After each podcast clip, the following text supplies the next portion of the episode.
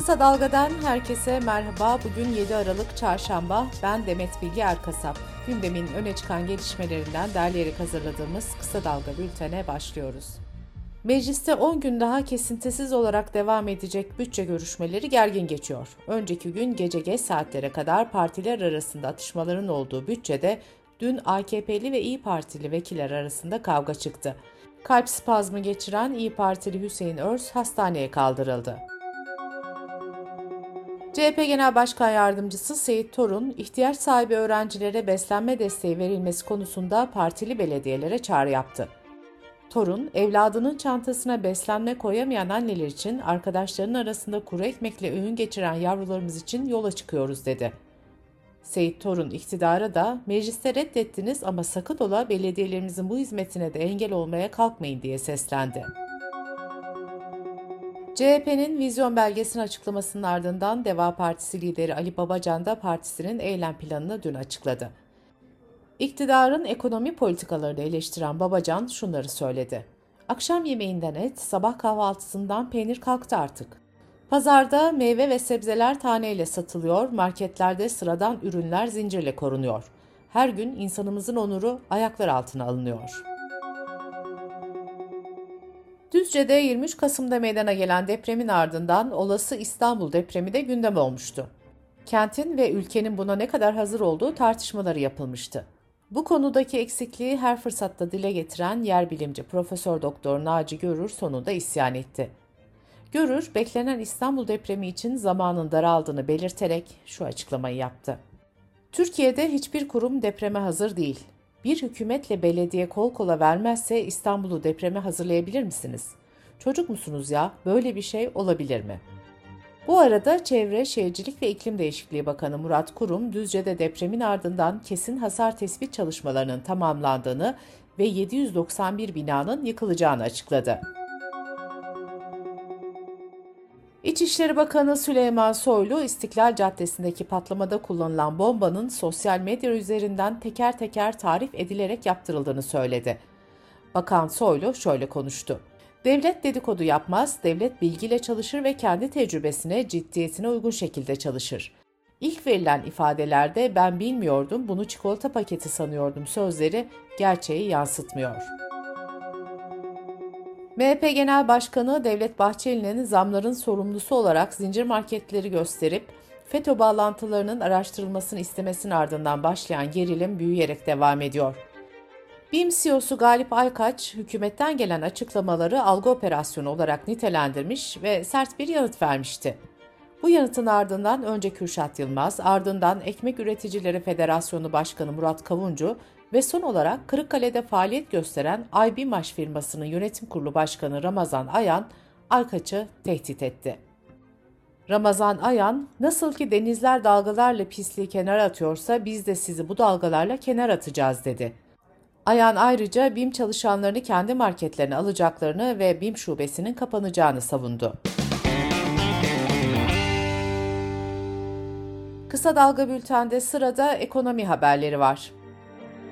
Eczacıbaşı Holding'e bağlı Esan Madencilik, Balıkesir Balya'da bulunan madende Bağımsız İş Sendikası üyesi 243 işçiyi işten çıkardı. 4 Aralık Madenciler Günü'nde yaşanan işten çıkarmalara gerekçe olarak mücbir sebepler ve arazi koşulları gösterildi. Ancak Bağımsız Maden İş Sendikası işçilerin sendikaya üye olup haklarını aradıkları için işten çıkarıldıklarını belirtti. İşten çıkarma kararının ardından madenciler Eczacıbaşı Esan Kuzey sahası önünde toplanarak direnişe başladı. Eczanelerde bir süredir devam eden ilaç sıkıntısı büyüyor. 2022'yi yok ilaç yılı ilan eden eczacılar önceki yıllarda son çeyrekte yaşanılan ilaç sıkıntısının artık kronik hale geldiğini belirtti. Türk Eczacıları Birliği'nin eski başkanı Erdoğan Çolak şunları söyledi. Şu anda piyasada 2000'den fazla kalem ilaç yok. Bu da hem biz eczacıları hem de vatandaşı mağdur ediyor. Her üç hastadan ikisi ilaç alamadan eczaneden çıkıyor.'' Merkez Bankası Kasım ayı enflasyon rakamlarına ilişkin aylık fiyat gelişmeleri raporunu açıkladı.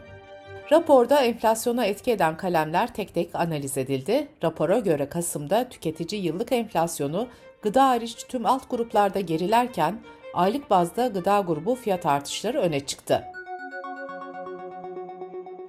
TÜİK önceki gün enflasyonu %84 olarak açıklamıştı.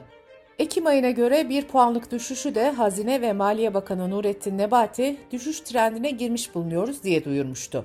Cumhurbaşkanı Erdoğan da dün yaptığı açıklamada gelecek yıl Şubat ayından itibaren enflasyonun makul bir noktaya geleceğini söyledi. Ekonomistlere göre ise Kasım ayı enflasyon rakamlarındaki düşüş baz etkisiyle önümüzdeki aylarda da devam edecek. Ancak bu durum fiyatlara yansımayacak. Ekonomi gazetesi yazarı Alaaddin Aktaş konuyla ilgili şu yorumu yaptı. Yıllık enflasyon oranı Kasım sonundan Ocak sonuna 2 ayda tam 29 puan düşecek ve bu düşüş Mayıs'a kadar devam edecek. Ancak fiyatlar artmaya devam edecek. Yıllık enflasyon oranındaki düşüş sanki fiyatlar geriliyormuş gibi servis edilecek. 2023 yılının resmi enflasyon hedefi %25. Bu oranda kalınması neredeyse imkansız, hadi kalındı diyelim. Bu yıl Aralık ayında 100 liraya satın alınabilen bir mal veya hizmet önümüzdeki yıl Aralık'ta en az 125 lira olacak. Sosyal Güvenlik Kurumu'nun bütçeden finans edilen finansman açığı geçen yılın aynı dönemine göre yılın ilk 9 ayında 37.9 milyar dolar oldu. Maliye, raiç güncellemesi yaparak konut satışından elde edilen vergi gelirini artırmak için harekete geçti. 1 Ocak'tan itibaren gayrimenkul alım satımında raiç bedeli düşük göstermek olumsuz hale gelecek. Bu durum emlak alım satımının daha da yüksek vergiye tabi olacağını ve bunun da emlak maliyetini artıracağını gösteriyor. Dış politika ve dünyadan gelişmelerle bültenimize devam ediyoruz. Dışişleri Bakanı Mevlüt Çavuşoğlu, Yunanistan'ın Rodos ve Midilli'deki tatbikatına ilişkin konuştu. Yunanistan'ın barış istemediğini ve ikili anlaşmalara uymadığını söyleyen Bakan Çavuşoğlu, Yunanistan şunu unutmasın, rüzgar eken fırtına biçer. Barışı istemiyorsan biz de gereğini bir gece ansızın yaparız, dedi. Yunanistan'ın Selanik kentinde Roman asıllı 16 yaşındaki bir gencin polis tarafından vurulması üzerine büyük protestolar başladı. Polis eylemlere sert müdahale etti. Selanik'teki polis şiddeti 2008'de polis kurşunuyla hayatını kaybeden 15 yaşındaki Alexandros Grigoropoulos'un ölüm yıl dönümünden bir gün önce meydana geldi. Grigoropoulos'un 14 yıl önce Atina'da polis tarafından öldürülmesinin ardından ülke çapında haftalarca süren ve yer yer büyük şiddet olaylarına sahne olan kitlesel protesto eylemleri düzenlenmişti. Söz konusu olay her yıl 6 Aralık'ta protesto gösterileri anılmaya devam ediliyor. Fransa'da çoğunlukla Batı Afrika ve Afganistan'dan gelen ortalama 15 yaşlarındaki 350 kadar göçmen çocuk kalıcı barınma talebiyle 2 Aralık'tan bu yana Paris'te yardım kuruluşlarının desteğiyle çadırlarda kalıyor. Ülkesi Mali'den Ağustos ayında yola çıkarak Fas ve İspanya'nın ardından Fransa'ya vardığını söyleyen 16 yaşındaki bir çocuk, sokakta uyuduklarını belirterek çok soğuk, çadırlardan içeriye su akıyor, devletten yardım istemek için buradayız diyor. Gineli 14 yaşındaki başka bir çocuk da yağmur nedeniyle kaldıkları çadırların ıslak olduğunu belirterek kampta ayakları şişen ve ağır hasta olan çocuklar olduğunu anlatıyor. İran'da Mahsa Amini'nin öldürülmesinin ardından başlayan protestolarda idama mahkum edilen 6 kişiden bir kısmının cezalarının yüksek mahkemede onaylandığı ve yakında infaz edileceği bildirildi. Endonezya'da evlilik dışı cinsel ilişkiye bir yıla kadar hapis cezası öngören yeni ceza kanunu değişikliği parlamentodan geçti. Değişiklik ayrıca devlet başkanı veya devlet kurumlarını hakaret etmeyi, Endonezya'nın devlet ideolojisine aykırı herhangi bir görüş dile getirmeyi de yasaklıyor.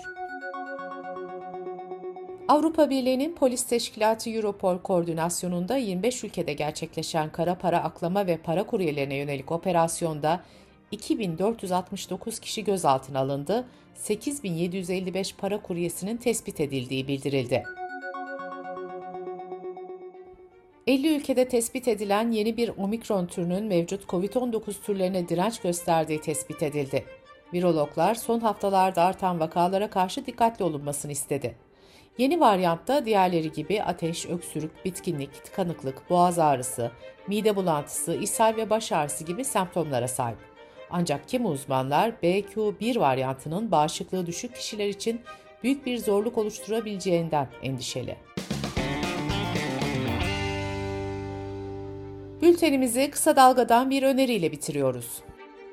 Emekli hakim, akademisyen Orhan Gazi Ertekin'le avukat Seda Alçınar'ın kaleme aldığı Cellatlarım olabilirsiniz ama yargıçlarım asla kitabında yargının artık doğrudan infaz eden bir kurum haline geldiği belirtiliyor.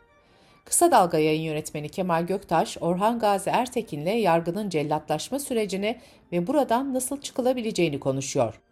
Kemal Göktaş'ın söyleşisini kısa dalga.net adresimizden ve podcast platformlarından dinleyebilirsiniz.